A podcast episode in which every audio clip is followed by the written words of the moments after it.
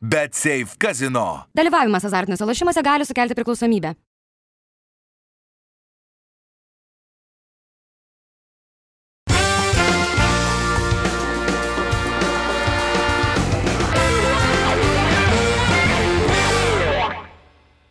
Sveiki, futbolo bičiuliai, su jumis laida Įvartis, Ervinas Kutkauskas ir Žydrūnas Grudzinskas, Tautvidas Vencevičius dar neatsigauna grįžęs iš Armenijos kalnuotų vietovių ir vyno kelio, yra tekę pačiam būti Armenijai, nu, sakykim taip, nėra pačios lengviausios tos žurnalistinės kelionės. Man atrodo, ir tu esi su presu kažkur buvęs, ar, ar nesi taip išvažiavęs, ar Ja, tik tai tuose... Ar venėjai su žalgiriu buvęs, tai jau aš šiaip buvęs, buvęs su presu tas Ukra- kelius tuos. Ukrainai, man atrodo, ar nebuvęs, ar ne? Buvęs ir Lenkijoje ten A. užsėdėje. Tai ten tie keliai nežinomi. Atrandami greitai. E, Aikštėje lengviau negu, negu aplink aikštę dažniausiai būna. Tautvydas ten atlaikė, bet čia lietuviško klimato pasikeitusio netlaikė. Taip kad e, sveik greičiau, kolega. Ir tikėkime, kad tas armeniškas koniekėlės, kurį dar parsivežė, turėtų padėti tam greičiau atsistoti ant kojų. E, Jo, pastaruoju metu čia labai sunkiai renkamės ten preso rungtynėse. Į Armeniją lengviau surinkti 10 žmonių negu Lietuvoje į trečiadienio vakarą. Iš tikrųjų, tie laikai tokie prasti. Čempionų lyga. Tai va, va, tai man irgi nelabai išeina, nes e, trečiadienį va, irgi čempionų lygą reikėjo komentuoti. Tai va, taip ir perėsim, aišku, čia taip tokių lyrinių nukrypimų perėsim į tai, kas yra svarbiausia turbūt futbolo pasaulyje. E, trys turai prabėgo čempionų lygoje. Ir e, Yra tikrai įdomių, sakykime taip, situacijų tam tikrose grupėse, be abejo, F grupė turbūt ta mirtininkų na, tokia atrodo labai labai... Mm, Ir sunkiai nuspėjama, sunkiai taip, na, galbūt ir vertinama, nes prieš tarsi niekas ten labai ir netiduoda tų šimtų procentų, kas tuos bilietukus pasims du. Ir dabar matome, kad tikrai tie žmonės teisūs, ne, kaip vyksta visas tas e, tokia, na, tokia sumaištis toje grupėje. Bet to reikia laukti. jo, bet yra ir, yra ir kitur tikrai staigmenų, tuoj viską perbėgsim, bet pradėkim nuo visko iš eilės. A grupė, čia Müncheno Bayernas pirmoje vietoje turi 9 taškus, bet reikia pasakyti, kad paskutinė mačia teko jį komentuoti, teko nuodugniai žiūrėti, Galatasarajus namuose priėmė a, Müncheno Bayerną ir šiaip mane asmeniškai Galatasarajus komanda labai nustebino tose rungtynėse, labai solidų žaidimą pademonstravo, sakyčiau, kad a, pirmasis tas įvartis, e, kurį įmušė Müncheno Bayernas po tokios e, širkščios, grubios e, jauno gynėjo karatašo klaidos, e, šoko į kamolį baudos aikštelį, bandė perimti, ne, nepasiekė, Komanas jau ten viens prieš vieną, kai turi tiek erdvės, tiek laisvo ploto, be jokios abejonės, tokios klasės žaidėjas, tai aišku viską puikiai išsprendžia, bet iš esmės, e, žiūrint į Galatasarajų žaidimą, nu, tikrai gerai kūrė, presingavo varžovus, tikrai Bayernas uh, turi daug aišku nuostolių, ten pasižiūri į komandą ant suolo, realiai trys žaidėjai turbūt, kurie gali pasirodyti, kiti yra daugiau, na, dar vaikai tokie, dar neturintys e, patirties e, tame didžiajame futbole, o kalbant apie Galatasarajų, tai tikrai Įspūdingai ši komanda atrodo pasipildžiusi, tas polėjų, tas polėjų toks, toksai, ne tai kad tandemas, bet, na, turiu menį tą plati žaidėjų rotacija, kurią turi, ant suolo lieka tokie žaidėjai kaip Hakimas Ziešas, tarkim, kurie tikrai, na, čia bet kurioje kitoje komandoje tu įdėk tokį žaidėją ir jisai e, tikrai žais, tai, na, turi tą patį Oliveirą ant suolo, kuris žaidė prie Žalgirį, tas pats Mertensas pradeda rungtynės ant suolo, Angelinio tas pats vat, vietoj Karatašas vietoj jo žaidė. Tai tu žiūri tą Galatas Rajų, kurį matėjai čia su Žalgiriu žaidžiant. Ir dabar, nu atrodo, skirtingos komandos. tiesiog. Tai, tai prisimink, kaip kalbėjome apie tai, kad, e, na, gal Sarajus galbūt būtų bankrutavęs, jeigu būtų iškritęs iš čempionų lygos, aišku, juokaujam, bet ką kalbėjome, kad tokie klubai dėliojasi savo planus taip, kad būtų ant pikė, būtų grupių etape. Aišku, gali nudėkti, galbūt ir būna vienetai tuo atveju, kada tie, na, didieji klubai, visi kaip bebūtų, gal Sarajus žvelgiant į tą kvalifikaciją, visą vis tiek jau yra priskiriamas prie tų, kurio, kurie tarsi turi būti tose grupėse. Taip, kad viskas kaip ir logiška, bet pažiūrėkime, kaip sunku būna nukeliauti. Dar atsimenu komentavai ir su Meldė, ne? Jo, jo, ten Meldė geriau atrodė, A- apie Apie rungtynės. ką kalba? Ir dabar žiūri mane Barno kontekstą. Na gerai, Barnas nukreivęs, bet tai vis tiek yra Barnas, kaip bebūtų. Ir tu matai komandą, kuri kas, kas etapas lipa į viršų. Ir tas žaidimas, ką žiūrėjau momentus, tai tikrai paliko gerą įspūdį. Ir būtent toks futbolas, jeigu perkelk jį į rungtynę su Žalgiriu ar su Meldė, na ten su visą pagarbą abiems klubams variantų nematytume jokių, bet vėlgi tai yra tas planavimas, tai yra tas išėjimas į piką, viskas sudėliota, smulkmeniškai, detaliai, taip kaip reikia. Ir štai grupė etape matome, kad Sarajevų dabar antroje vietoje, nors ir pralaimėjo Barnai, bet jie yra antri ir su tokiu žaidimu tikrai drąsiai kovos, manau, iki pat pasnio turo dėl kelialapio. Jo, gal tas rajus iki šito mačo šiaip e, buvo net 23 rungtynės nepralaimėjęs oficialias, kas yra įspūdinga. Ir e, čia jau kalbam ir apie įvairius tos e, atrankos grupės turnyrus, ir apie pačią grupę, ir, ir be abejo čempionatas, nors čempionate šiuo metu žengia antri, net ne pirmie, nes Fenerbakšė viską apskritai susirenka 8-9 pergalės iš 9, bet žvelgiant į, į Galatasarajų, na kas dar paliko įspūdį, tai tikrai, kad komanda komanda, na, ne tik, kad, sakykime, taip, kūrė momentus, bet jie iš esmės kontroliavo rungtynės. Bayernas žaidė, net galima taip sakyti, antrų numerių didžiąją rungtynių dalį. Net, taip, net, net, net toks, kad jau ryškus ten jau, žinai, kaip užsispaudžia ten savo bodos aikštelėje, be abejo, ne. Bet iš esmės buvo atidavęs varžovams tokią iniciatyvą ir man kažkiek šiose rungtynėse taip pasirodė, kad uh, kažkiek tai per daug norėjo atsikast Galatas Rajus.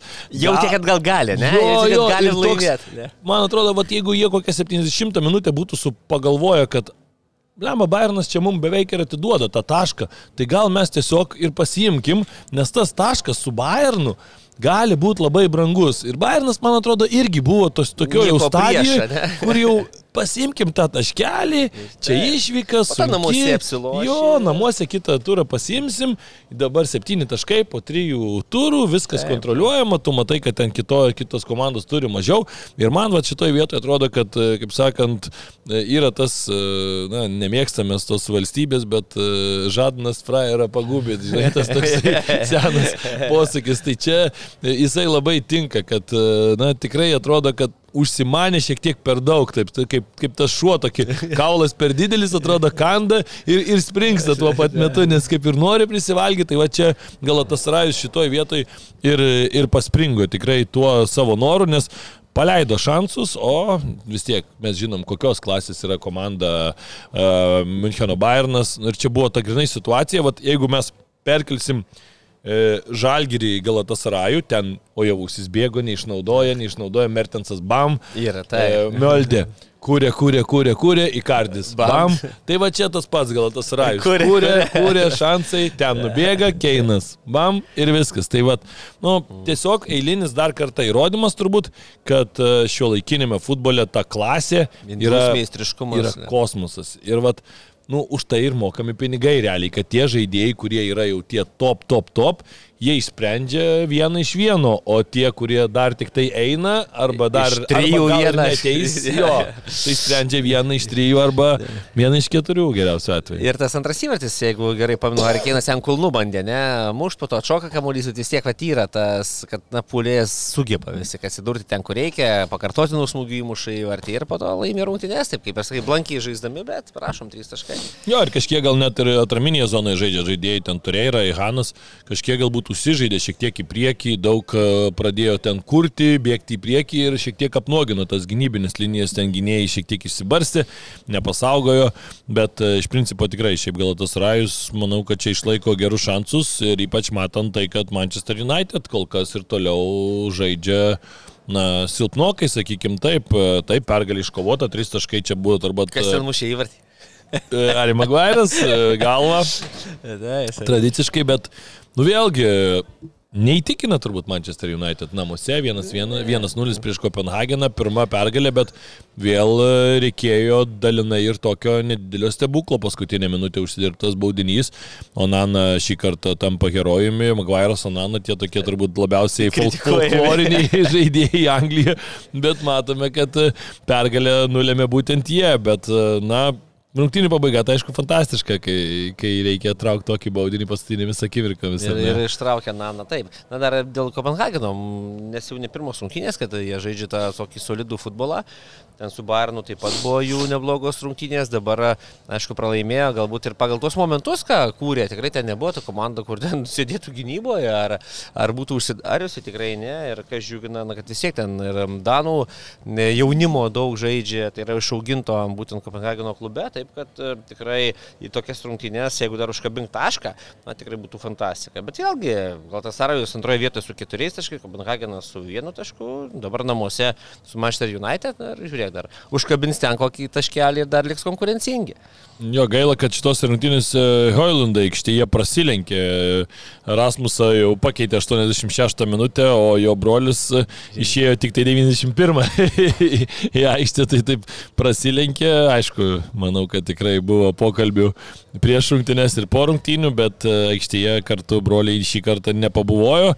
Na, galbūt, galbūt kitas scenarius bus Kopenhagoje, pamatysim, viskas čia visai netrukus. E, B grupė, čia Arsenalas tampa šios grupės lyderiu. Vieną pralaimėjimą patyrė Jelanų išvykoje, bet e, dabar sunki ganėtinai pergalė prieš Seviją. Reikėjo pavarkti. Reikėjo pavarkti, to gal ir buvo galima laukti, bet futbolas vis tik buvo, taip kaip sakau, laipteliu geresni buvo arsenalo futbolininkai ir ta pergalė pelnyta, taip, sunki faktas, na kam ten lengva susivyję rungtniauti jų arenoje, tikrai ne, bet faktas tas, kad jie svarbiausia savo tris taškus pasivė, nes po to pralaimėjimo Lanui, dabar jeigu čia suklup, na tikrai būtų ta situacija lentelė dar labiau komplikuota, o dabar įmušė laimėjo ir savo namų arenoje, Beratų stadione vėl pasimta pergalę ir iš esmės, na, didelė dalimi turėsi tą kelialapį. Taip kad Arteta, manau, savo darbą tikrai atliko gerai tose rungtynėse, kaip ir komanda. Martinėlį ten pačioje pradžioje turėjo galimybę vienas prieš vieną, neįmušė, o po to jau kai ledo rytulį ten išbėgo, apsivarė vartininką ir ir ten, aišku, Žizusas fantastinis, ten jo tas žaidimas, tas perdavimas, užsikirtimas, aišku, pirmąjį atsikratė dviejų varžovų, o šiaip tai Arsenalas geriau. Raisas man patiko viduryje, vėl galbūt taip nelabai stebim tuos žaidėjus, kurie, na, netlieka tų rezultatyvių perdavimų, neįmuša įvačių ir taip toliau. Čia Raisas. Nu kaip irgi... neįmušas ne, nu, savaitgalį. Taip, taip, taip, taip, bet turiu menį, kad va, tas jo darbas ir gynyboje, ir ta kūryba nuo pat pradžių, po to atriša rankas visai priekinį liniją. Ten na, tiesiog jau bėga, nubėga ir tokius momentus turi. Jo, šiaip Raisas aš pats pasakysiu, kad nebuvau labai tas fanas, kai ten už jį mokėjo šimtą milijonų daugiau Vesdėmo ir ne, ir toks atrodė, kad E, dar ne iki galo, man atrodo, nu, Vezėme jo, bet Vezėmas vis tiek su visa pagarba, kol kas tokia komanda, kur dar net net atopinė, ar ne? Taip, tu ten vienas iš lyderių, taip, Anglijos rinktiniai žaidimas, bet dar man taip dėl Raiso buvo klausimų šiek tiek, bet kol kas šio sezono pradžia, tai, nu, sakyčiau, tikrai atsako į tos klausimus, kad tai jau yra to lygio žaidėjas, užaugęs iki to lygio ir dar matome, kad net turbūt dabartiniai situacijai, kai tu dar turi geresnius e, partnerius aplink save, čia dar tu pats pakeli savo žaidimą į viršų. Būtent ir jo tos gynybinės funkcijos, kurių labai reikėjo artetai, nes tą balansą išlaikyti būdavo sunku arsenalui apskaitai, prisiminus mm. dar ir Vengero laikus, jam patai, kas yra, būdavo tas, tas žaidėjas dar kur kažką stabilizuodavo. O dabar būtent Raiso tos funkcijos aikštėje, kad kartu ir greuna, ir kartu kūrė, ir dar įmuša kars nuo karto. Na tik ko daugiau tai reikia iš atraminio saugų. Jo, tikrai geras arsenalo žaidimas. Reikia pasakyti, kad ir Sevija atrodo tokia po truputį bundanti. bundanti. Tai nėra ta komanda, kuri vat, sezono pradžioje ten nuo, viso, nuo visų gaudinėjo, atrodo, su naujoju treneriu šiek tiek į priekį pasistumta. Taip, ir visi kitos rungtynės su realu, vienas vienas, kaip bebūtų, dabar vėlgi ta kokybė juntama ir jeigu išlaikys tą štai tokį ilgesnį laiko tarpą stabilų žaidimą, čia irgi buvo galimybių, kad ten gali ir išlyginti rezultatą ar baigti lygiosiomis, dar ten eigoje e, Sevija ir turėjo tokių pusprogių, taip kad ten tikrai tas žaidimas, ką ir minėjai, stabilizuojasi ir manau, kad ir turnė lentelėje e, primeroje kils į viršų. Čia ta grupė na, tokia, na, arsenalas gal vis tik, vadinkim taip, yra šiek tiek gal ryškesnė komanda, bet toliau ar pasau, Hovenas ar Lanas yra tos ekipos, kur tikrai Sevija gali tvarkytis. Taip, ir čia dar neblogas rezultatas, sakykim, taip Sevijai susiklosti, komandos sužaidė lygiosiamis Lanas su PSV, šiaip reikia pagirti ir Laną po ilgų metų nebuvimo čempionų lygoje vėl sugrįžta į ją ir kol kas po pirmųjų trijų mačų penki taškai, ne vieno pralaimėjimo, taigi tikrai solidus kol kas pasirodymas namuose įveiktas Įvyktas arsenalas, kas pliusas a, prancūzų klubui, kad paskutiniajam turė jie su Sevija žais namuose, namuose, tai čia tikrai didžiulis pliusiukas, nes gali būti, kad tos rungtynės ir lems viską. Aišku, dabar Sevijai čia bent jau su Arsenalu namie turbūt irgi lygiosios būtų, būtų buvę labai naudinga, dabar jau reikės važiuoti į Londoną, bus, bus nelengva, bet žinom, Sevijai ir trečia vieta tinka. taip, taip, taip. Jeigu iš tos taurės nekels, kels kitą. jo, kitą tada jau tikrai ims, atsigaus ten ir viskas bus gerai. E, kalbant apie Madrido Realą ir C grupė, čia trys pergalės iš eilės. E, teko irgi komentuoti rungtynės tarp Realo ir Bragos. E, sakyčiau taip, Realas Na, gal ne visai antra, bet, bet tikrai ne penkta pavara, kokia geriausiu atveju trečia važiavo šiuose rungtynėse. Taip labai jautėsi, kad kai būna kartais tos e, e, topinės komandos, jo žaidžia taip, kaip stebėdamos varžovą, ta katė ir pelė. Atrodo, jeigu varžovas šiek tiek, nu, kažkur pasiseks, suspurdės, suspurdės, tai mes tada irgi dar įjungsim. Jeigu pavyks va tokiu tai, e, režimu laisvų bėgių vos nevažiuojant, tai mes taip ir važiuosime. Tai principai dabar žiūrėk, Bayernas, panašių stilių mene, žaidžia, žaidžia, vis tiek laimi. Realas, na, tai, kaip sakai, žvalgosi laimi. Jo. Tas pas man City irgi ten netiduoda, galbūt visko vėliau kalbėsim irgi laimi. Tai kur linkstu? Na, tos topinės komandos, jos prisitaiko. Net žaidimo eigoje prie varžovų varžovo ir retai na, nudega. Galbūt sužaisi lygiosiomis dabar, tačiau vėl susirinksi taškus ramiai kitose rungtynėse, jeigu reikės. Taip, kad čia tikrai toje grupėje, kai nėra, na, vadinkime, tos mirtininkų grupės, ne, prie kurios prieisime, tai čia, kaip ir minėjai, na, vis tiek tu žinai, kad tu geresnis, tu vis tiek žinai, kad laimėsi. Nu, tik reikia daugiau pastangų. Nelaimėsi jau šiandien, na, gerai, laimėsiu rytoj tada. Tai, prasme, grinai viską kontroliuoja to į turnyrį lentelėje ir net konkrečiose rungtynėse, ir būtent tą, ką minėjai, ir Bayernas, kai dar reikia, štai visi kimuša tos įvačius laimi, nors tarsi sunku.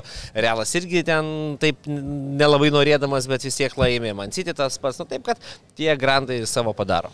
Jo, tikrai taip jautėsi. Vini junioras, aišku, gerai spurdėjo, aišku, realui, kas e, turbūt, kad problema gali tapti, jog Džudas Belingiamas šlupčiudamas paliko šį mačą. Tokių dar pranešimų kol kas, kai mes filmuojam, nes iš karto čia gan greitai tai dar ryškių nėra, bet lyg ir apie kažkokias labai rimtas traumas nekalbama, bet e, visgi žinom, savaitgalį jau vėl klasiko ir čia be abejo Džudo Belingiamo e, pasirodymas realo komandoje būtų labai svarbus, na, bet žiūrėsim, kaip čia susiklostys. Vini junioras Junioras tikrai e, geras rungtynės sužaidė, buvo be net toks aktyviausias žaidėjas, 2-0 e, realas buvo jau padaręs Bragą šiek tiek, e, sugebėjo gan greitai tą rezultatą sušvelninti ir dar rungtynių pabaigoje šiek tiek taip pakovojo, sakykim, taip dėl taško, kas vėlgi realui nebūtų buvęs, buvus didžiulė problema net ir parsiveš čia lygiasias, 7 taškai po 3 mačų irgi būtų gerai, dabar tai realas jau beveik yra užsitikrinęs, o toliau prasta savo seriją, prastą savo seriją tęsė Berlyno Unionas namuose, 0-1 nusileidęs Napoliui, 3 pralaimėjimai išėlės čia, jau 6 pralaimėjimai išėlės ir vietinėme fronte, Bundeslygoje, tai 9 pralaimėjimai iš viso.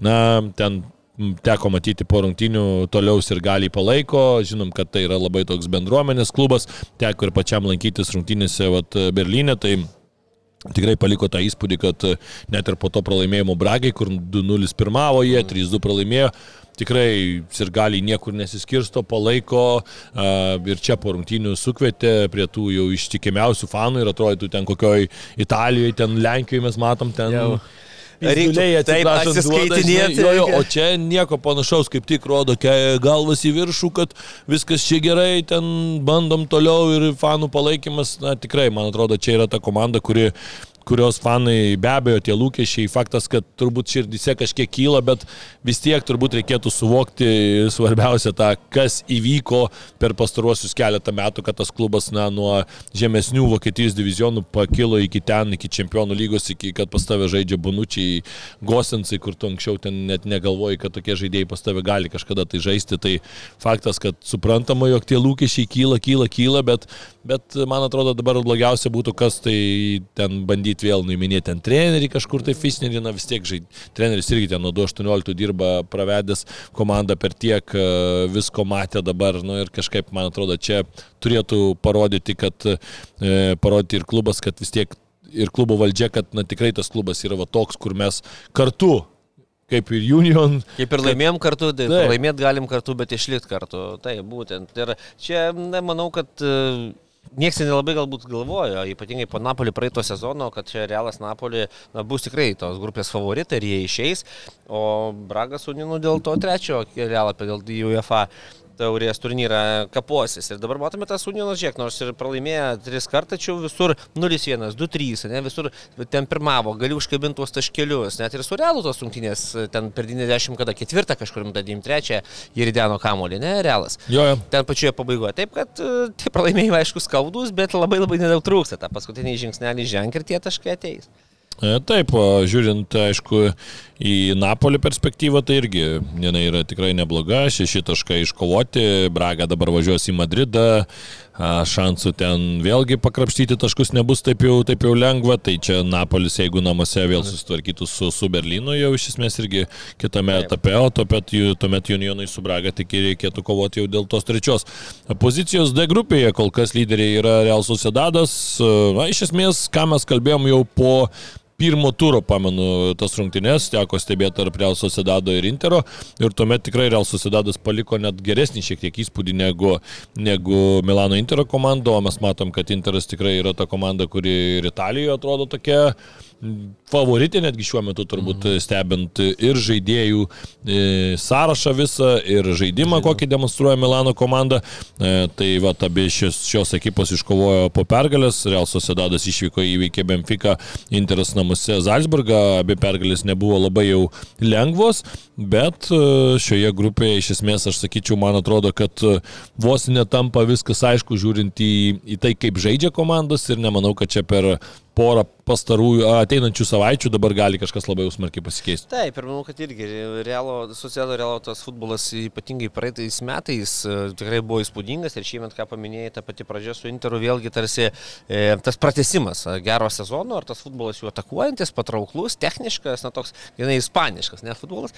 Ir tai duoda rezultatą, o Benfica su Zalzburgu, na kažkaip tikėjausi, kad Benfica galbūt atrodys kiek, na taip, pavojingiau Interui ir susėdo ekipai, nes tikrai galvoju, kad ten kausis dėl to antro kelialapio, aišku, tų šansų dar yra, bet su nuliu taškų bus sunku ten išsikapstyti aukštyn. Ir šiaip, nu, jeigu pasižiūrė į Real Sociedadą, tu matai, kad ten žaidžia Mikelis Merino ir Sabalis, Lenormanas, tai yra žaidėjai, kurie visai neseniai, va, prieš savaitėlę Ispanijos rinktiniai žaidžia startiniai sudėti visi trys, nu, tai tu supranti, kad tai irgi daug. Jau neįlinis e, klubelis čempionų lygoje. Taip, taip, taip, tas pats Takė Kubo prieš Realą, pamenam, kaip žaidė ir toliau tikrai geras, geras sportinė forma demonstruoja, tai tikrai labai įdomi komanda, nemažai žaidėjų dar tokių, kurie, sakykime taip, arba netoli savo piko, arba dar tikrai tas pikas turbūt bus po kokių dviejų, trijų metų, tai tikrai Susidado komandėlė šiuo metu tokia labai labai simpatiška. Ir aš manau, kad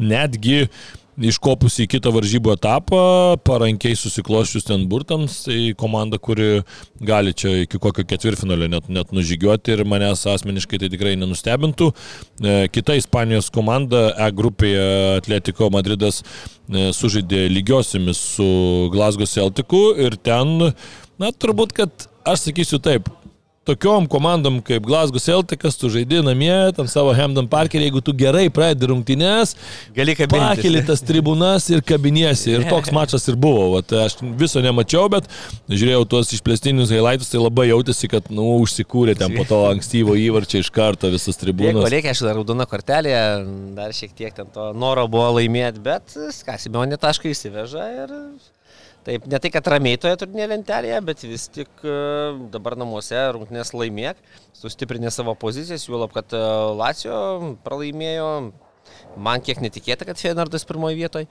kol kas, bet matome, kad Niderlandų komanda tiesiog tvarkosi su tokiamis ekipimus kaip Lacijo, tai daug ką pasako apie jų ambiciją šioje grupėje. Taip kad Nu, turės ką veikti Lacijo, nes Atletiko ir Lacijo tarsi buvo tos dvi komandos, kurios turėtų užimti tas pirmą antrą vietas, o Fenerdas Celtikas ten kapotis dėl trečiosios, bet matome, kad kol kas viskas taip lengvai apsivertė aukštinkojams. Taip, ir irgi Fenerdas reikia pasakyti, kad labai užtikrintai įveikė Lacijo, čia nebuvo tas toksai, kad na, ne pagal kontekstą ar kažkaip tai visiškai dominavo tose rungtynėse, pirmavo 3-0, fantastišką sportinę formą demonstruoja Santiago Jimenezas, tokia naujoji, sakyčiau, Europos futbolo žvaigždė. Mes žinom, kad už polėjus mokami didžiuliai pinigai, žinom, kad tų tokių tikrų devintųjų numerių, kurie na, būtų tokie na, žinot, kad muštų ten po 20-30 įvarčių Europoje nėra tiek ir daug, ar ne? Ir jie yra labai vertinami. Ir e, Jimenezas e, naujasis, toks sakyčiau, visiškai Meksikos futbolo deimantas. Žinom, kad meksikiečiai dažniausiai, kaip ir tie pietų amerikiečiai, jie tokie, na, būna ir tuo pačiu techniški tie poliai, bet ir tuo pačiu labai tokie nepatogus, skandantis kažkur ten gynėjams į čiurnas. Tai Jimenezas irgi iš tos, e, iš tos, sakykime, tokios lentynos ir tikrai fantastiškas fantastiškai kol kas rungtyniauja. Antras jo sezonas Eredivizijoje, praėjusią sezoną 15 įvarčių pelnė per 32 mačius, šį sezoną jau 13 tikslių smūgių per 9 mačius, 2 čempionų lygui, tai jau 15 įvarčių per, per 11 mačų įspūdingas tikrai sezonas ir manau, kad Feenordui išlaikyti šį žaidėją bus labai sudėtinga, bet e, nemanau, kad Feenordas supyks, jeigu kažkas sumokės po sezono 60 ar 70 milijonų eurų. Dabar žaidėjo vertė yra apie 40 milijonų eurų, bet aš manau, kad per šį sezoną dar jisai tą, tą vertę tikrai kilstels, nes matom, kad Feenordas ir toliau yra pagrindinis, sakykime, tai pretendentas laimėti ir e, Erediviziją. E, e, vien, aišku, PSV šiuo metu irgi neblogai tikrai krūta, bet Feyenoordas tikrai įspūdingai kol kas susikomplektavusi, tikrai turi, turi gerų žaidėjų visose pozicijose. Teko irgi šitą komandą ir stebėti, ne vienerias rungtynės šiemet, tai tikrai kol kas labai labai geras įspūdis ir manau, kad šioje E grupėje kol kas nėra visiškai keista, kad ši komanda pirmauja. Ir dar pamenu tas rungtynės su Atletiko, kurias jie pralaimėjo Madride, tai ten tose rungtynėse, rungtynių pabaigoje, ten visiškai buvo užspaudę Atletiko prie, prie jų vartų ir ten atsimušinėjo kaip seniais gerais laikais Simeonės auklėtiniai. Ir tikrai sakyčiau, kad nenusipelnė tų rungtynių pralaimėti, tai jeigu dar būtų ten taškelį pasiemę, tai šiuo metu jie visiškai užtikrintai čia būtų priekyje. Ir aš e, visiškai sakyčiau, net nebejoju po tokios pergalės, kad Vienordas bus e, kito, kito etapo komanda ir žais atkrintamosiose varžybose, aišku, čia vis visko gali susiklostyti. Čempionų lyga labai neprognozuojamas turnyras, bet kol kas Vienordo žaidimas tai tikrai įspūdingas, muša daug įvarčių per e, tris mačius čempionų lygui, septyni įmušti įvarčiai, tai parodo labai daug. Na nu ir aišku, dabar važiuojame į F grupę.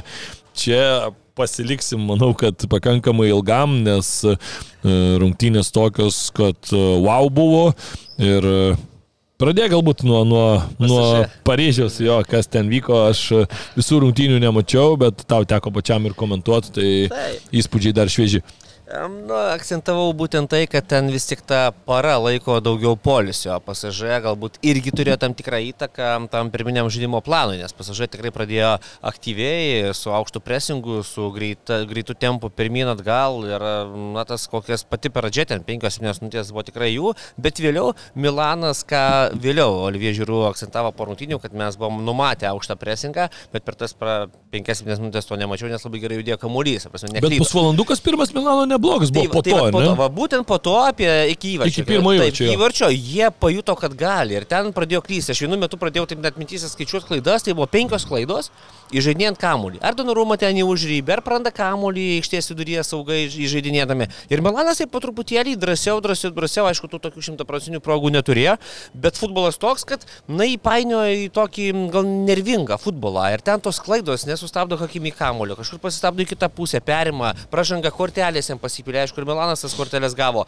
Bet esmė ta, kad Milanas tarsi kontroliavo tas mm. rungtynės. Bet vėlgi, ką ir minėjai, pajuto. Pajuto, kad gali, pakėlė visas grandis į viršų ir ten, na, tas tarpelis, kur įlėkė Mbappé, kur gavo perdavimą gerą ir, na, susitvarkė puikiai ten protomorė. Taip Aišku, kai gynėjas atsuka užpukalį, kaip apsisuka, tai yra klaida.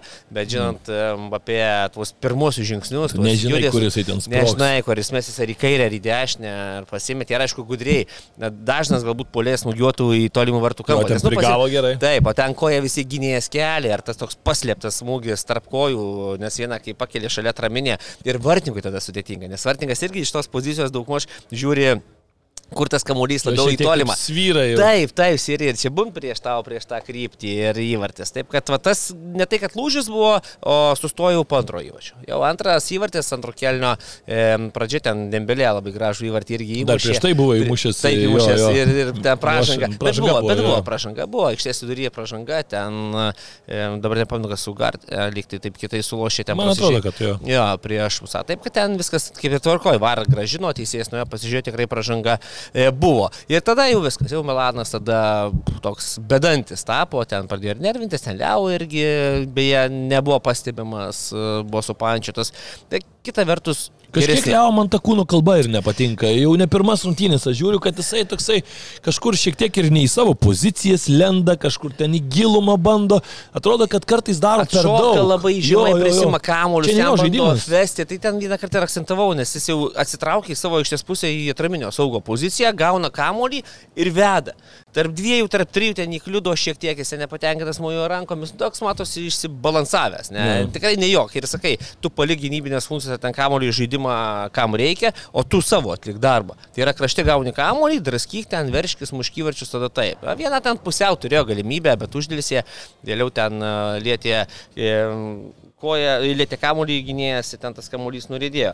Na, prisiminiau dabar akcentavai Master United Copenhagen bro, brolių Jo, jo. kovą. Tai čia irgi broliai Teo Hernandesas su Luka Hernandesu irgi, aišku, skirtinguose e, tai poliuose. Nes, Jo, nes abudu abu kairiai žaidė labiau. Bet ten vieną kitą kartą buvo šalia, taip kad aišku, skaudu gal, bet ką darysi, tai istorijos toks rezultatas, gal ir per daug, bet kita vertus Milanas neturėjo šansų. Tikrai neturėjo, tvarkėsi, aišku, Mbapė irgi ten buvo išjungtas, pirmame kelinės būtent kitos klaidos pasipylė, nebebuvo priekinės linijos, nei Klamonį, nei tas pats Dembelė ten nebuvo pastebimi, nes paprasčiausiai kamuoliai neteina iki tavęs, mm. o tik pradėjo e, kokybės rasti, vitinėje gerai ten sukiojasi, o tikrai žiūrėjusi, žiūrėjusi pasažė gana neblogai tam fonė ir Milanas neturėjo šansų. Zairas Emery geriausiu buvo rungtynių žaidėjų, pripažintas 17-metis Jaunuolis, futbolininkas po rungtynių. Luisas Enrique sakė, kad a, netikiu, kad šitam žmogui 17 metų žaidžia, jisai sako, kaip Brandų 34 ir a, fantastiškai, ar ne, kol kas atrodo. Tai ten tą perdavimą atliko. beje, Jo, du rezultatus Taip, ten tas pirmas, ten, kurį kabino, lyg tai griovė ant kojų užsilaikė. Taip, ir, ir, ir kas taip, na, kaip ir sakai, iš jauno žaidėjo galbūt keista, kad brandus ir gynybiniuose veiksmuose, tai yra jaunimas mėgsta su kamuoliu mm. ir jie labiau atakuojantys yra, nebėga lėkia. O čia, kur reikia balansas, kur reikia perimti kamuoliai, kur reikia išsisuka per perdavimą ar net driblingų, tame momente nubėgo ten į griovę, išstovėjo ant kojų, atliko perdavimą, įvartis, taip kad tikrai figūra. Figūra auga, taip, auga tikrai talentingas žaidėjas. Aišku, prancūzijos rinktinė, žinom, perpildyta ten visur, vis bet vis tiek, jeigu tu 17 metų Paris Saint Germain jau gauni startinės pozicijas ir, Ir tu iš esmės žaidi. esi beveik kiekvienose rungtynėse startinės mm. pozicijos žaidėjas ir čia nėra, tarkim, Barsos variantas, kur dabar tu matai ten krūvą žaidėjų traumuotų ir tu tada uh, trauki jau tuos lemasijos, ten žinai, talentus. Čia jo yra tų traumų, ten negali žaisti Nasensijo, bet grinai, tarkim, į e, pačią poziciją, kurioje žaidžia Zairas Em- Emery, na tai ten tokio žaidėjo, sakykime, yra tas pats Karlosas Soleras, yra Pereira ar ne, aikštės vidury, tas pats Barkola ten gali žaisti, bet e, iš esmės tai Barkole, bet e, kalbant apie tuos žaidėjus, tai Čia nėra kažkokie žaidėjai iškritę ir čia Zairas Emery jau yra projektuojamas kaip startinės sudėties žaidėjas pas Luisą Enrique. Ir aš dar sakyčiau, kad man atrodo, Luisą Enrique iš šios rungtynės turėtų būti dar vienu įrodymu, kad e, labai buvo naivu jam išeiti prieš Newcastle. Tada išvykoje ten su tais tokiais keturiais vos net ten atakuojančiais žaidėjais, Dembelė kažkur ten aikštės vidury vos net ir čia vos net dabar mes čia užbėgsim, užatakuosim ir taip toliau. Va čia buvo parodyta, kad nu vis tiek tu turi turėti ten Nugartį, Vitinį, tą patį Zairą Emery, kurie aikštės vidury turėtų ir to daug daugiau gynybinių funkcijų ir tas balansas toks atsiranda. Ir šiaip Vitinė gerą sezoną irgi žaidžia Taip, labai. gera, ir man patinka yra žaidimas, būtent ką ir sakėjai, ir gynyboje, nes ta trijulė taip ir turi žaisti. Ir tu turi atlikti visų pirma darbą gynybinį, nes ta rungtynės kartais laimė puolimas, ne? o šiaip Nu, turnyrus... prieki tu turi ten Bapem, Būtent, Dembelėtų, jiem ten įmes, jie ten Taip, taip, dirba. juolab, kad jie nėra tie žaidėjai, kurie ginsis ją Jo, pastovėti. Tai jeigu dar turėsi poziciją silpnesnė vidurio zonoje, turėsi problemų. Taip kad Milaną tikrai, ta, ta prasme, sutvarkė būtent aikštės viduryje ir indėlis Ugartės ir Zero Emery tikrai didelis ir Vitinė, taip kad tikrai viskas ten tvarkoje. E, Paris Saint Germainas dabar yra pirmoje vietoje grupėje, šeši taškai, bet čia dar niekas tikrai nenuveikta, dabar kelionė laukia į Milaną. Milanas, tarkim, Sansiro iškovojo pergalę ir vėl viskas, Vėl tampa, vis, vėl viskas tampa neaišku. Skaudus pralaimėjimas buvo patirtas Newcastle, atrodė, kad visgi Newcastle'as po tos pergalės prieš Paris Saint Germainą, vėl čia sugrįžimas į St. James Parką, namuose pastaruoju metu ir Anglijoje turiu menį, tikrai gera sportinė forma, iš paskutinių aštuonių mačų šešios pergalės, dviejas lygiosios visose turnyruose, ten Sheffield 8 įmesti, Crystal Palace e, sutriuškintas 4-0 ir atrodo tokioj geroj sportiniai formai. Aišku, ir Dortmundo Borusija tikrai reikia pasakyti, kad pastaruoju metu Vokietijai tikrai gerai žaidžia, startavo gerai, 8 mačai, 6 pergalės, 2 lygiosios, kol kas Vokietijoje nei vieno pralaimėjimo nepatirta, 20 taškų, lygiai tiek pat turi Müncheno Bayernas, tai tikrai ten kol kas Vokietijai ta lentelė priekyje atrodo įspūdingai tokia užkimšta, ten ir Stuttgartas, o e, nuostabiai juda Leverkusino Bayeris, kuris yra pirmas, bet e, apie šias rungtynės kalbant, tai tikrai nustebino tai, kad Dortmundas labai labai drąsiai pradėjo rungtynės, aš kažkaip tikėjausi, kad rungtynių pradžia jo bus tokia, kad labiau e, tokie ugningi bus būtent Newcastle vyrukai, bandė jie ten vėl kaip ir su Paryžium ten tas tribūnas užvedinėti, bet Dortmundas tikrai buvo labiau subalansuota komanda ir taip jautėsi, kad turėjo gerą planą, Ir rungtynių pradžia, pirmas pusvalandis, netgi sakyčiau, tai visiškai priklausė Dortmundo Borusijai. Po to šiek tiek pradėjo mušti tempo, pamatė, kad turbūt tas toksai bėgimas į priekį atgal, tokius pirmus 20 minučių, tai buvo wow, vienas gal geresnis. nebuvo. Visiškai, vieni atakuoja, kiti ten bam bam, bet, bet tuomet pasimatė, kad kažkur tie tarpai labiau pas Newcastle atsiranda gynybiniai ypatingai, nes vis tiek na, Denas Barnas yra, tarkim, Denas Barnas, Laselsas, jie nėra tie žaidėjai, kurie mėgsta tas laisvas ir erdvės, jie kaip tik mėgsta, kai kompaktiškai viskas vyksta e, pas juos baudos aikštelėje ir tuomet jie nesuteikia tų erdvių. O kai tu suteiki jiems tas erdvės, e, varžovams tas erdvės, ten malinai visokie inmečios, e, tas pats Marko Roisas, jie pradeda tas erdvės išnaudoti, pradeda tas kišenės ten perdamus atlikinėti ir tada sunku, matėsi, kad tikrai Dortmundo Borusija turėjo ne vieną šansą jau, jau rungtynių pradžioje ir dar kas buvo blogai, labai aišku, kad neteko gan greitai 15 minutę Aleksandrio Įsako, kuris kaip tik yra tas irgi žaidėjas, kur tu jį irgi į laisvus plotus gali paleisti. O Kalumas Vilsonas vis tiek kitokio šiek tiek plano žaidėjo, pakeitė jisai jį ir tuomet matėsi, kad šiek tiek persisuko žaidimas, pradėjo Newcastle šiek tiek lėčiau, ilgiau laikyti kamuolį, kontroliuoti, bet e, kėlinio pabaigoje išnaudojo savo šansą Dortmundo Borusija, Šlioterbekas perėmė puikiai kamuolį savo aikštės pusėje, o čia vėl vidurio gynėjai įrodinėja, kad na, šio laikiniai kokie yra žaidėjai, perėmė kamuolį, nusinešė jį su savimi savim, tada perdavė, tada jungėsi per nugarą, vidurio gynėjas gauna krašte kamuolį, suranda, mečia puikių perdamų ir tas vienu lėtimu, ataka tikrai puikiai, vidurio gynėjas viską, galima sakyti, sukūrė šioje situacijoje iš Liotterbekas. Tai tikrai geros Dortmundo bendrai turbūt rungtynės, antram kelny reikia pasakyti, kad Newcastle'as šiek tiek labiau kontroliavo, turėjo ir progų, du kartus ir įskirsinį pataikė, Wilsonas vieną kartą ten iš kelių metrų neišnaudojo, puikiai sužaidė Kobelis, bet reikia reikia pasakyti, ir Paupas tikrai gerų tų seivų vadinamųjų padarė. Tai smagios, azartiškos, įdomios rungtynės, net sakyčiau labai keista, kad jos baigėsi tik tai su vienu įvarčiu, bet iš principo sakyčiau, kad tikrai Dortmundas, mano bent jau asmeninė nuomonė, nusipelnė. Jeigu sužaistų lygiosiomis šitos šios, rungtynėse tai komandos. Ne, gal sakyčiau, kad irgi, na, toks kaip ir, kaip ir rezultatas, bet jeigu kažkas turėjo jau laimėti, tai tikrai labiau Dortmundas nusipelnė ir dabar kyla į antrą vietą. Tai labai gerai Lusis Enrikė prieš rungtynės, ehm, šio, šio turo rungtynės pasakė, kad šioje grupėje, sako, mes na, visos komandos tarsi žaidžiame tas atkrintamasis jau ten playoffas, mm. nes iš esmės varžovai, na, nėra tokių rungtynių, kaip kad galbūt turi va, kitą grupę prieisi Manchester City, ne, tokių praeinamų lengviau. Taip, taip. O čia kiekvienos rungtynės yra žudbutinė kova ir tai yra, sako, mums labai geras pasiruošimas, aišku, su sąlyga, jeigu išeisim, nes mums nebus tos įtampos, kadangi, na, žaidžiam tokiam įtemptam režime visą sezoną. Taip, žvelgiant į kitą grupę, tai Manchester City ir Leipzigas ten užtikrintai pirmauja, Manchester City taip e, lietokai pradėjo rungtynės, e, pirmą kėlinį užbaigė lygiosiamis, na, matom, kad čempionų lygai kol kas taip ne, ne karto įsijungia, pamenam ir tas rungtynės su Cervenas Vesda, kai po pirmo kėlinio net net atsilikinėjo 0-1, bet antram kilny labai dažnai Manchester City šį, šį sezoną kažkaip jeigu pirmam neįsijungia, tai antro kėlinio pati pradžia būna tokia, kur iš karto.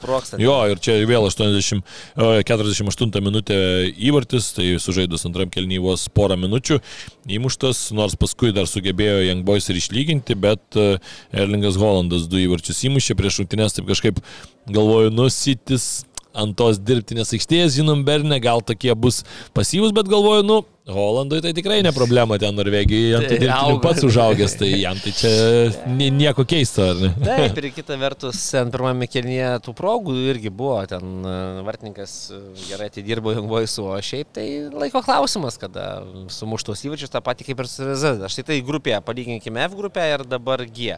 Kėlinį gali sauliais žaisti prastai. Na, taip. Ar- ar- ne tai, kad prastai, bet, Na, taip, nu, ta prasme, lengvai. Taip, lengvai. Na, prastai pagal realizuotas progas. Taip, taip, taip. Rezultatas kaip ir, nu, ten vienas vienas, paskui tai ten ne, ne taip galbūt nori Pepas, kad žaistų komanda. Bet faktas tas, kad vis tiek susikaupė išlendi. O ten toje F grupėje, kėlinį blogai suloš, gali viskas su geru. Ir neaišku, jo, jo, kuo- Taip, kuo kad čia tokia grupė, ir aišku, Masitė su Leipzigu tikrai gavo, mano manimu, tokia lengviausia grupė pagal tai tokį ryškumą dviejų komandų, kur dvi stipresnės, dvi silpnesnės. Kol kas tvarkosi abi užtikrintai. Jo, Leipzigas irgi labai užtikrintai įveikė Cervenų Zvezdą, e, neturėjo ten iš esmės didelių problemų ir e, šeši taškai pralaimėta tik tai Sičiui, manau, kad e, nėra čia varianto, aš manau, čia tik tiesiog Young Boys su Cervenų Zvezda turės ryškintis tarpusavyje, kas, e, kas tęs toliau dvi kovas Europos lygoje, o pirmos dvi vietos šitoje grupėje labai labai aiškios. Barcelona tris pergalės irgi iškovojo, reikia pasakyti, kad paskutinės dvi prieš Portų ir prieš tą patį Donetsko Šachtarių tikrai nebuvo tokios jau lengvos. Nors Donetsko Šachtarius mes žinom, kad e, šiuo metu toks šiek tiek pabirėjęs, tai nėra ta komanda, kuri žaisdavo prieš kelius metus ir būdavo tikrai visą laiką beveik pretendentė žengti į kitą varžybų etapą, priklausomai nuo to, kokia ten grupė susiklosto. Bet Barsa irgi labai pabirėjus, daug žaidėjų traumuotų.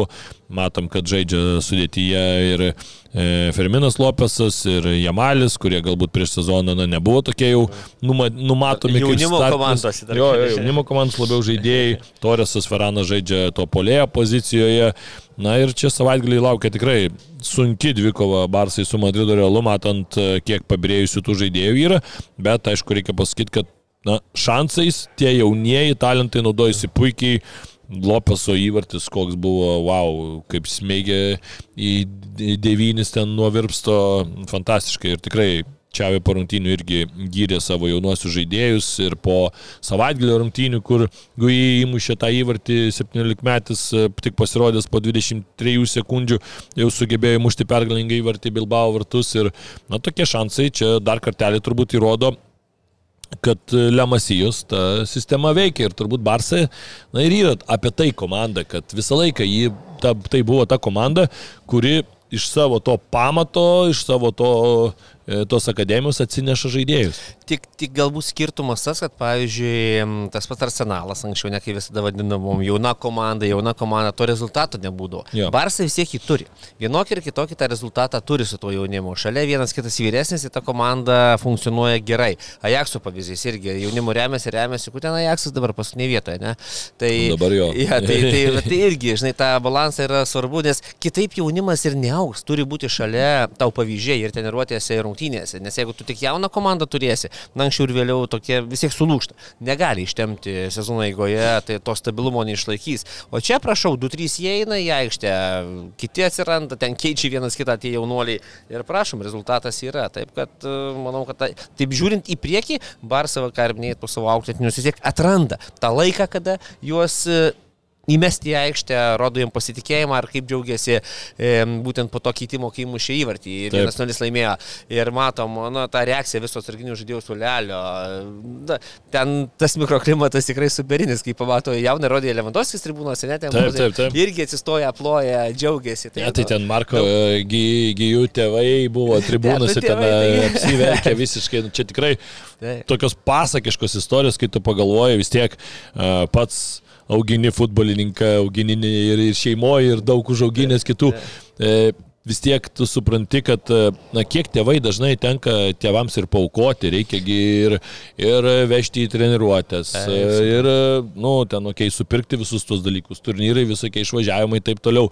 Tai žinom, kad yra tikrai... Laisvalaikį tėvų jų nebelieka. Taip, taip, o žinom, dar yra tokių valstybių, kur apskritai, sakykime, ten Pietų Amerikoje ir taip toliau, tai ten Taip. tą kamolį būtus nupirkti, ten yra reikalų, tai reiškia, tu gal turi ten, nežinau, penkis vaikus ten, ir gal kiti ten, negali pavalgyti kažko ne. daugiau ar kažko skanesnio, nes vienam iš tu ten turi nupirkti būtus ar ne. Ir paskui mes matom, kaip dažnai e, tie, tie žmonės atsilygina tevam, kaip dažnai kalba, ten pavyzdžiui, pasižiūrėkim, nežinau, ten tas pats e, Ašafas Hakimy, ten mama visur ir visada, ten pirmose planuose, ten nežinau, ir daug tikrai yra tų sporto istorijų, kur, kur tenise, krepšinį, bet kur, kur ten. Iš vargingų šeimų, iš ten vos ne lūšnynų, ne? Jo, kad, kad ir nebūtinai iš vargingų, kad ir, pavyzdžiui, žinau ten istorijų ir Lietuvos, va, tenise, Edas Butvilas, ten mama visur ten vežioja, atsisako ten darbų taip toliau, nes e, tiesiog į turnyrus ten kažkur, pamenu, pasakodavo, sako, va, ten sužaidžia tą tenisą e, turnyrę kažkokiam, tai e,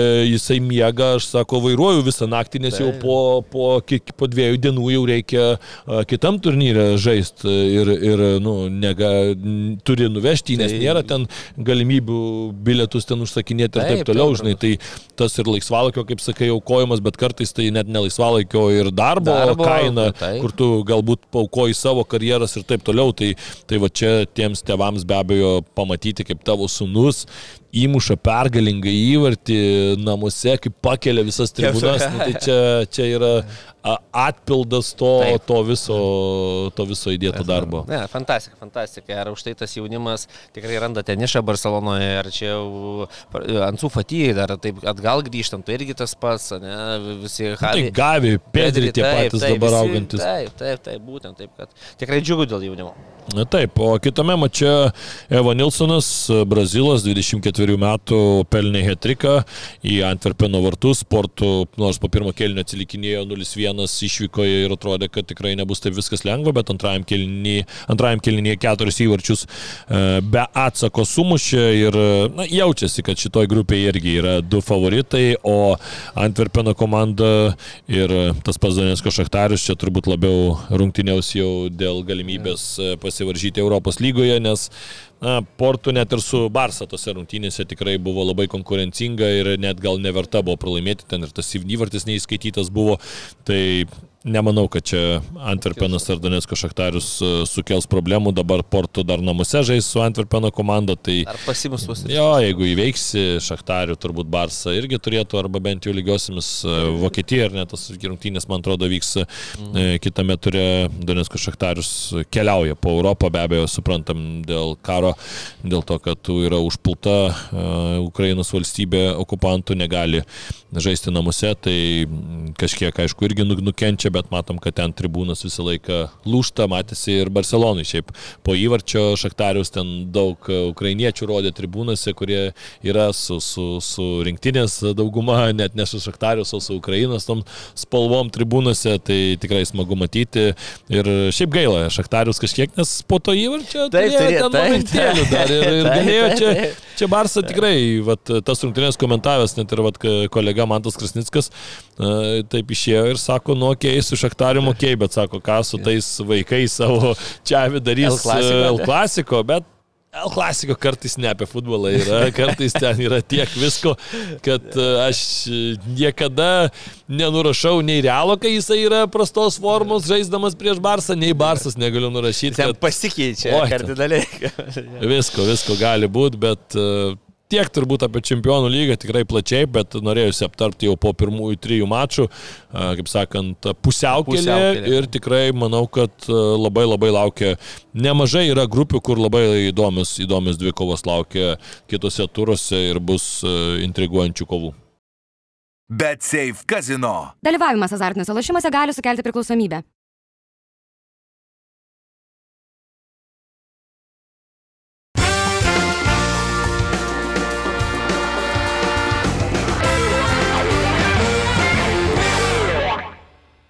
Na, toliau pasižiūrėsime, kas vyks šį savaitgalį karščiausių ir be abejo pradėsime nuo Lietuvos, šiek tiek aptarsim ir lygos reikalus. Čia faktas, kad čempionas jau paaiškėjo, jau galutinai sudėlioti taškai, nors mes jau tuos taškus jau buvom sudėlioję ir anksčiau, nes ten jau buvo tik tai tokios labai jau miglotos teorinės galimybės kažką pakeisti, bet panevežys jau užsitikrino titulą, sužaidęs prieš tai lygiosiamis savaitgalį su Hegelmanu, dabar savaitės viduryje sužaidė lygiosiamis su Kauno Žalgiriu. Kas galbūt keista man buvo šiuose rungtynėse, kad panevežys taip mažokai parotavo sudėti, šiek tiek buvo tokių pasikeitimų, bet vis tiek daugiau mažiau tokia tikrai solidi sudėtis. E, Buvo šiuose rungtynėse, panevežiečiai pirmavo, Girdvainis išlygino rezultatą ir, ir išgelbėjo tašką Kauno Žalgiriui ir Kauno Žalgiris dar, taip sakykime, mm, teorinių kažkokių vilčių netgi dar ir turi, nes turi jas dabar mačą su tuo pačiu Hegelmanu ir Duberots, ar ne mačai su, su Taip, Hegelmanu taip. laukia, tai čia taip laimėja abu mačus ir tu kaip ir principė pavėjai Hegelmano, o matant kaip šiauliams kol kas sunkiai viskas dėliojasi, tai aš sakyčiau, kad dar tokių teorinių galimybių kauniečiai, Kauno Žalgeris kaip ir turi, aišku, čia pergalė būtų labai e, dar buvusi reikalinga kauniečiams, tada visai kitaip, bet Kas neramina, tai turbūt, kad Šiaulių ar ne, nu, su Vilnių Žalgiriu tas taškas buvo svarbus, bet e, pralaimėjimas Marijampolės Sūduvai, kur pirmą kėlinį tikrai gerai žaidė Šiauliečiai, progų neišnaudojo, aikštė, aišku, tokia sunki, Sunki, klampi, nu, bet aišku, čia mes juokavom irgi su kolegom, kad nu jau kam kam, bet Šiauliečiam apie aikštę nelabai galima taip. skūstis, nes visą sezoną ant Taip, tokio dirvonėlio šiek tiek žaidė. Matėm ir telšiuose prieš tai savaitgalį ten tokia labai jau tragiška aikštė buvo. Valijo stipriai. Jo, jo, tokia, nu, iš dalies tu supranti, iš kitos pusės. Gal tada jau, aišku, ant tų dirbtinių irgi nesinori ten, kai tu matai tose mokyklose, stadionuose, kai yra žaidžiama, bet, nu, kažkiek gal geriau norisi tą futbolą matyti, nes jau kai ten vandensvidis prasideda, tai nėra labai smagu. Nuo lapkričio pirmos, sakyčiau, galima ir uždarose patalpose žaisti, Jo. LFF tą leidžia, bet manau, gal to neprireiks, aišku, na šiandien, kai važiavam prieš filmavimą, tai snigo jau. Vilniuje. tai tas oras, aišku, toks kontroversiškas, bet kiek pamenu, tai visada taip. Galėjo Jo. sezono, ten tekdavo ir tiešlose pasiniurkinti, dabar jaunimui tenka pasidaužyti, tai va nieko ten baisaus, aišku, tas futbolas. Man tik dėl žiūrovų, žinai, jau Taip, o toks. žiūrovam taip, Lemba jau, jau žinok, Jau nelabai. Jau, jau net aš tikrai esu jau tas Lietuvos futbolo, vertinčiau save tikrai tokiu jau e, rimtų gerbėjų, bet lemba jau sunku prisiversti, jau taip žiūri ir galvoji. Ai, gal aš čia... Dar jeigu rodo, dar jeigu rodo, Jo, tai- dar, jau gal aš geriau per televizorių, tada dar kažką ten kokius ispanų šalia pasijungsiu ir čia, ir čia tuos, ir nu, jau sunku prisiversti ir toks jau pradedi galvoti jau į tai, kad nueisi į futbolą ir neaišku, ar paskui neiškrisi trim, keturiom dienom, žinai, ne, ne, nepradėsi po to sirgti. Man vienam reiks laidavęs. Jo, jo, jo. tai Tai va. jokas jau, bet faktas tas, kad taip, tas, tas faktorius žmonės veikia, kad, na, nors ir svarbios gali būti rungtynės, bet vis tiek kažkiek atbaido tos klimatinės sąlygos. Na, oras kaip oras, bet neturim galimybių tuose stadionuose, taip visiškai ramiai ir saugiai būti. Taip, taip, jeigu ten, žinai, tie, tu pavyzdžiui, kad ir nuvažiuoji kartais į tą pačią ten kokią Vokietiją, Lenkiją, kartais tas oras ten le- nelepina lygiai taip pat, bet kai tu užeini į stadioną, kuris vis tiek yra aptvertas, tai pavadinkim, nėra jo nėra. skersvijo, nėra ant tavęs ne, nelyja, gali nusipirkti ten arbatėlės, dar kažko ir taip toliau. Tai to paties maisto, žinai, kuris irgi ten šilto kažkokio sušildo. Nu, tai ir tų žmonių, kai būna daugiau vėl tas prikvepavimas, tas vadinamasis, tu kažkur atsisėdi, viens į kitą jo ten kažkur triniesi, nu ir tikrai automatiškai yra, yra šilčiau. Tai, Tai nėra taip, kad ten tie patys vokiečiai, mes matom irgi, pauzę daro žiemą, kai kada jau faktas, kad tas oras jau toks, bet vis tiek paskui sugrįžta ir ten, tarkim, sausio mėnesio pabaigoje, nu taigi Vokietijoje, tai ką ten šilta, nu ne, aš esu buvęs gruodžio mėnesį tam pačiam ten Milane, pavyzdžiui, Sansiro žiūri rungtynės, nu ir irgi žiūri su žieminės triukai ir taip toliau. taip, taip. E, teko Verderį ten lankytis kažkada Bremenė, žiūrėti irgi paskutinį tą turą jau e, gruodžio mėnesio ten pradžia, vidurys, ten apie 10-12 kartais žaisdavau. Tai, nu, tikrai šalta, bet tu apsirengi, apsimuturiuoji, eini, tas stadionas tau vis tiek sukuria kažkokio tai jaukumo, jo, kaip sakai, postoviniuoji, kažkur pašokinėjai, ten toj daihartiniai su vokiečiais, ten toj tribūnoje ir viskas gerai, nu ir, ir šilčiau, bet vat, mes to neturim, bet tikrai jau ta, ta į lietuvišką futbolą jau nueiti yra tikrai netaip jau ir paprasta ir netaip smagu. Ir aišku, dar vat, kai intrigos nėra, kai vat, jau panevežys turi užsitikrinęs tą titulą, tai galima sakyti taip jau tikrai sunkiau. Bet kalbant apie rungtynes, tai aišku, dabar vat, minėjom tą Kauno derbį, Žalgeris su Hegelmanu, Šiauliai namuose priims panevežį. Na, čia Šiauliams nėra kur trauktis, aišku, Šiauliams, kas yra gerai palyginus su Hegelmanu, tai kad Hegelmano tvarkaraštis yra tikrai daug sudėtingesnis, Šiaulių dar paskui laukia džiugas išvykoje, bet aišku ir džiugas dabar, žinant, kad jie kovoja dėl išlikimo, tai faktas, kad Taip. e, draskysis Hegelmanas e, žais su Žalgiriais, su du kartus su Kauno Žalgiriu, vieną kartą su Vilnių Žalgiriu, o Šiauliams dar paskui e, mačą su tuo pačiu džiugu, ką minėjau, na, tokia tokia dvikova, kur, kur vis tiek reikės bandyti imti taškus ir e, dabar ta Europa tampa labai labai svarbiu tikslu ir slystanti iš rankų po tos ir taurės finalo pralaimėto. Taip, ir po to turės finalo gal šiek tiek aišku, tas psichologinis aspektas svarbus ir Minugui Čiapui ten na, yra reikalų užvedant komandą kiekvieną mačą ir kaip minėjome, atrodo tarsi jau saugiai šiauliai ten ramiai treti gali baigti čempionatą, matome, va, ypatingai tas pralaimėjimas Sūduvai dabar dar apsunkina tą visą nusiteikimą kitam turui, bet uh, panevežys irgi, kaip sakai, ten klausimas, ar labai jau bus motivuoti, bet esmė ta, kad tu kai išeini į aikštę, kas be išeitų į aikštę, vis tiek, na, kai jau nėra to psichologinio spaudimo tau žudbūt laimėti, dar kartais net lengviau žaidži, Jo. e, užtikrinčiau žaidži ir tas atsipalaidavimas kartais duoda dar didesnį impulsą laimėti. Jo, nu aišku, gerai, kad banga vat yra paskutiniam turė šiauliams vis tiek. Tai komanda tokia, kur daug šansų, kad irgi nelabai turės dėl ko kovoto, šiauliečiai dar namuose žaidžia, tai gali būti, kad čia jau bus, bus tas net ir lemiami tie taškai. Gali būti, aišku, bet Jėgelmanas irgi ta komanda, kuri drąsiai gali tą patį Kauno Žalgirį įveikti, kodėlgi ne, tai čia, čia tikrai ir tą patį Vilnių Žalgirį gali įveikti. Tai kova dėl tos paskutinės europinės pozicijos bus labai rimta. Kelkimės į Europą. Čia šį savaitgalį mūsų laukia tikrai daug dvikovų. Kalbėjom jau šiek tiek apie El Clasico, dabar gal pakalbėkime apie Manchesterio derby, kuris laukia Anglijoje. E, Sekmadienį šis mačas United žais namuose, bet e, matant, koks yra United, e, blemba, čia gali labai skaudžiai Eriko Tenhago vyrukai. Aišku, kartais United yra ta komanda, kuri labai neblogai sužaidžia e, iš kontratakuojančios pozicijos, ar ne? Bet kol kas šito sezono startas tai toks sudėtingas ir tu matai, kokias komandas United įveikinėja. Tai čia sitis gali būti, kad gali ir padraskyti. Na, kaip minėjai, laidoje, kai kalbėjome ir užsiminėjai, kad L klasiko kartais sunkiai nuspėjamas, atrodo, pasame turė gali silpnai sužaisti, L klasiko apsiverčia užtinkojomis viskas. Mm. Čia e, galbūt e, nuspėti lengviau yra, nes e, jau kai žaidži silpniau, kalbant apie Man City dominavimą paskutiniu metu Manchesterio, na, tuose derbiuose, vadinkime, nėra tam jau buvime čempionate, tai kažkaip nelabai galima galbūt rasti tų ryškių, aiškių ta tokių akcentų, kurių dėka Manchester United gali laimėti prieš Manchester City. Taip, aišku, gali, štai Maguire'as laimės Rodikovo, įmuš įvartį, na, Taip, taip. atrems 11 metrų ir laimės rungtynės. Bet taip tendencingai žiūrint, a, toks taškas, mano man jau būtų jau tas pasiekimas, kuris e, būtų liaupsinamas e, ir taip toliau. Taip kad žaidimo prasme e, United, mano man jau nelabai turės svarių argumentų, bet aišku, tas kovingumas, tas derbio visas e, aspektas, ne, kas aplinkui vyksta iki rungtynių, kas vyksta net, ne tai, kad prieš rungtynės, ten jau kelios dienos prieš rungtynės, jau ten visa ta įtampa kaista. Tai štai tie dalykai gali kažkiek mobilizuoti komandą na, ir tam tikrų tokių gerų niuansų atradus gali United gal ir, nu, Manchester United ekipą gali gal ir kabintis ten. E, Ispanijoje, kaip ir minėjom, čia um, El Clasico pagrindinis akcentas be jokios abejonės, visiškas, bet, e, na, žiūrint, sakau, į šias rungtynės, taip tu matai, kad Barsa tikrai neteina labai geros sportinės formos, ten Lewandowskis gali būti, kad sugrįž kalbama, gal ir Rafinija, bet aš net nežinau, ar Rafinija dabar šitoj komandoje jau yra toks jau svarbus žaidėjas, matant, kad e, jaunimas tikrai rodo ir didesnį norą ir charakterį ir pastaruoju metu be abejo svarbiausia, kad žaidžia yra tome, tame ritme žaidybiniam ar ne, kas irgi yra labai svarbu. Lewandowskis, aišku, tai yra veteranas, kuris kartais gali būti, kad ir po dviejų mėnesių ar trijų sugrįš ir demonstruos tą, ką mes jau pripratome, nes čia jau yra klasė, kaip sakyt, pasiekta ir kartais tiem veteranam jau ir nereikia būti tam tokiam labai žaidybiniam ritme, kad vis tiek pademonstruoti tai, ką jie sugeba.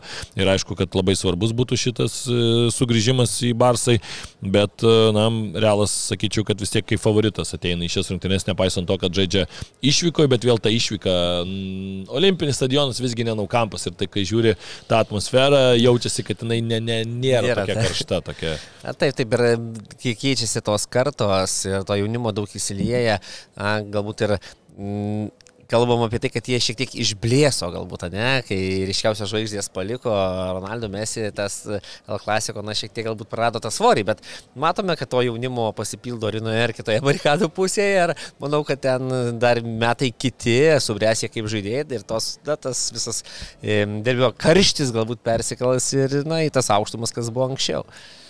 Italijoje turim irgi labai labai įdomų, ypač sekmadienį. Čia iš pradžių Interas e, žais su Roma, paskui Napolis su Milanu. Tai fantastiškos tokios tikrai dvikovos, kurios laukia futbolo gurmanų ir šiaip sekmadienis apskritai sakyčiau, kad uh, kadangi oras prastas, tai čia vakaras jau sudėliotas taip, kad niekur eiti nereikia, kaip sakant, sėdi prie, prie televizoriaus. režime. Jo, ir, nu, sofos labiau ten pasidėjęs kažką šilto, jau karštą vinelį kokį gali, žinai, pasikurti.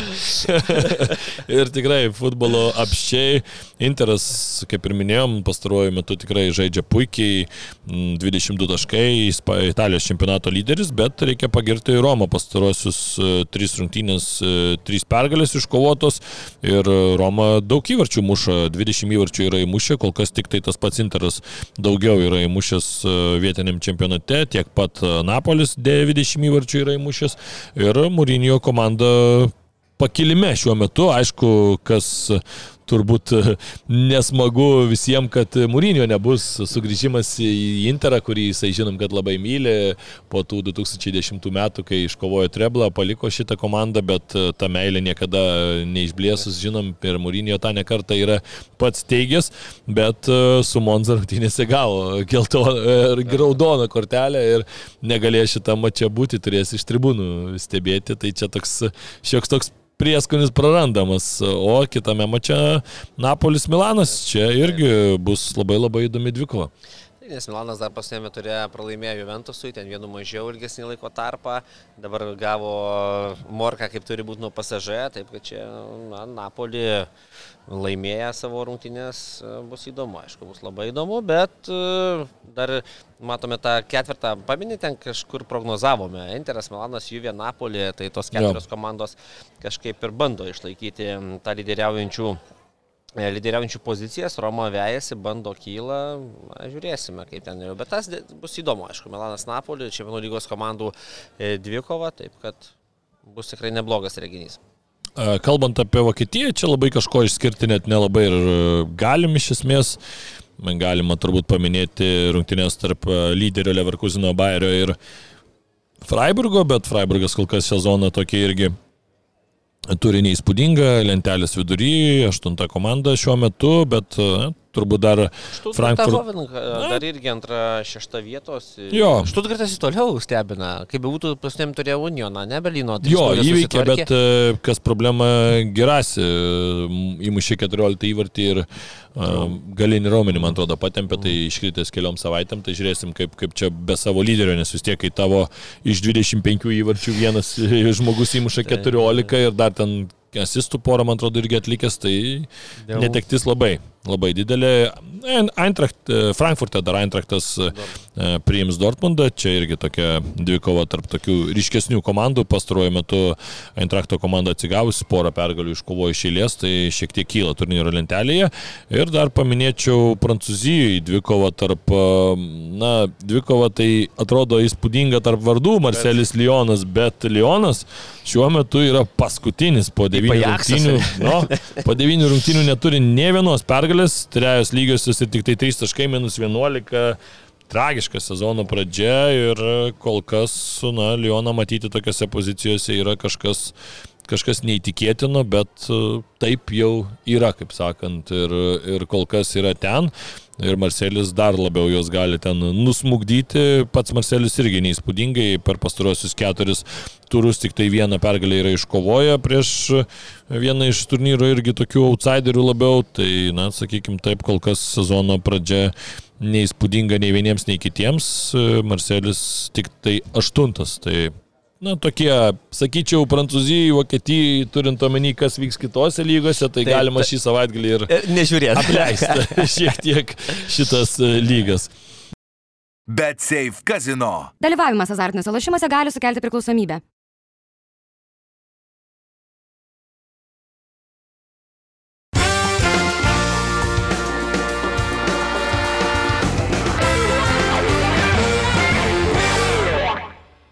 Taigi pabaigai kortelės, e, baltą kortelę aš savo tai duosiu Jamie Carrageriui, kuris e, taip netikėtai gina Evertoną. Žinom, kad tai yra Liverpoolio visgi žmogus, bet e, sakyčiau, va, čia man patinka, kad kartais tie žmonės sugeba atskirti kaip ten sakoma, grūdus nuo, nuo melų. Ir, ir nu, sakyčiau taip, kad labai teisingas žaidėjo išsakymas, Evertonui dabar ten grasiname ten atimti 12 taškų, ten kas būtų nu, faktas, kad matant e, jų šio, šio sezono startą greičiausiai jų iškritimas į žemesnį divizioną dėl ten tų financial fair play pažeidimų, bet labai gerai Jamie Carragheris ir pasakė, nusako, Manchester City kažkaip negirdėjau, kad kažkas ruošiasi taškus ar, ar kažką atiminėti, nors ten mes priskaičiuojam ten tų kiek ten virš šimto, ten tų įvairių pažeidimų ir vis kažkaip tai dar kaip kaip vanduo nuo žasies, ar ne, ten kažkur tai e, krenta, bet, nu, tikrai kažkas neįtikėtina, atrodo, vieniems taikomi vienokie standartai, kitiems kitokie, tai čia labai aš esu už Jamie Carragherio tą pasisakymą, kad, nu, tai blemba, jeigu čia Evertonui taškai atiminėjami, tai tada žiūrėkime ir, ir kitur, kur, kur, kur tie taškai gal netokie skaudus, taip titulus pralaimėsi, bet tu neiškrisi gal į žemesnį divizioną, bent jau aš aišku, kad e, yra ir vieni, ir kiti nešventi, čia faktas tikėjimas, kad teis financial fair play pagaliau turi veikti, kas yra turbūt svarbiausia. Tai va čia norėtųsi. Jo, yra, kam tu tada prigalvoji ten nuostatų kažkokių tai ar kažkokių taisyklių, nesilaikai, nesilaikai. Tai tada kam tada įstatymai sukurti, kam tada dar kažkas, jeigu mes jų nesilaikom. Nu. Na, manau, ta ir ištraukė Vertino kortą tam, kad šiek tiek ir Liverpooliui pagelbėtų. Gali būti, gali būti. Faktas. faktas. Kas aš. Nu, aš savo baltą kortelę duodu. Aišku, smagu, jeigu Ignas Brazdėskis žaistų futbolą ne, ir ruoštųsi UEFA Europos lygos rungtynėm. Štai taip, na, anglų portaluose standart nesugeba skirti krepšinio nuo futbolo, nes turbūt pamato, kad yra prie, prie olimpiakosas, na ir galvoja, kad čia būtent tik vienas eksperimentas. ir aišku, tada, kai ta klaida buvo greitai pataisyta, bet esmė ta, kad, na, sporto žurnalistai vis tiek rašo, ne, tokius e, straipsnius. E, Bent jau turėtų. Turėtų, ja, tai, tai neatskirti futbolą nuo krepšinio, aš suprantu, kad ten krepšinio nėra Anglijoje. Jo, jo. Nes ten tikrai nežinau. Yra, ten, porą, bet tai yra, bet ten, Towers, kažkur ten žaidžia, neaišku. Nu, bet reikia tada pasidomėti šiek tiek. Olimpiakos piramidė visą, nes ten yra dar atrastum, kokį yra rankinio klubą, tai dar gerai, kad nesumaišė su kokiu ten tinklinio klubu ir taip toliau. Na faktas tas, kad tik na Brazdėjai norėtųsi, aišku, pamatyti futbolo aikštėje, bet lai žaidžia ten krepšinį. Pakviesim, kada į kokias žvaigždžių ten vėl bus mačai su Olimpijakos apranga. ok, raudonas kortelės, aš tai savo raudoną kortelę duosiu dar kartelį e, į Saudo Arabiją kryps, ne, ne vieną jau esam davę, bet dabar tai duosiu tiesiog na nežinau, čia ar futbolo klubams, ar gal net labiau Saudarabijos tiems gerbėjams.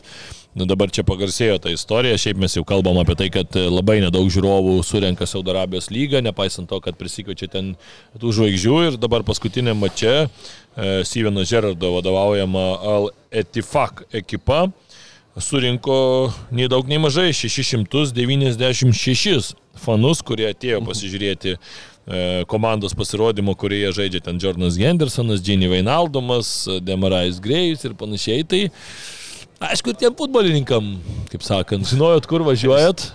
Sėkmės iš Premier lygos, kur galėjai žaisti savo kiekvieną savaitę.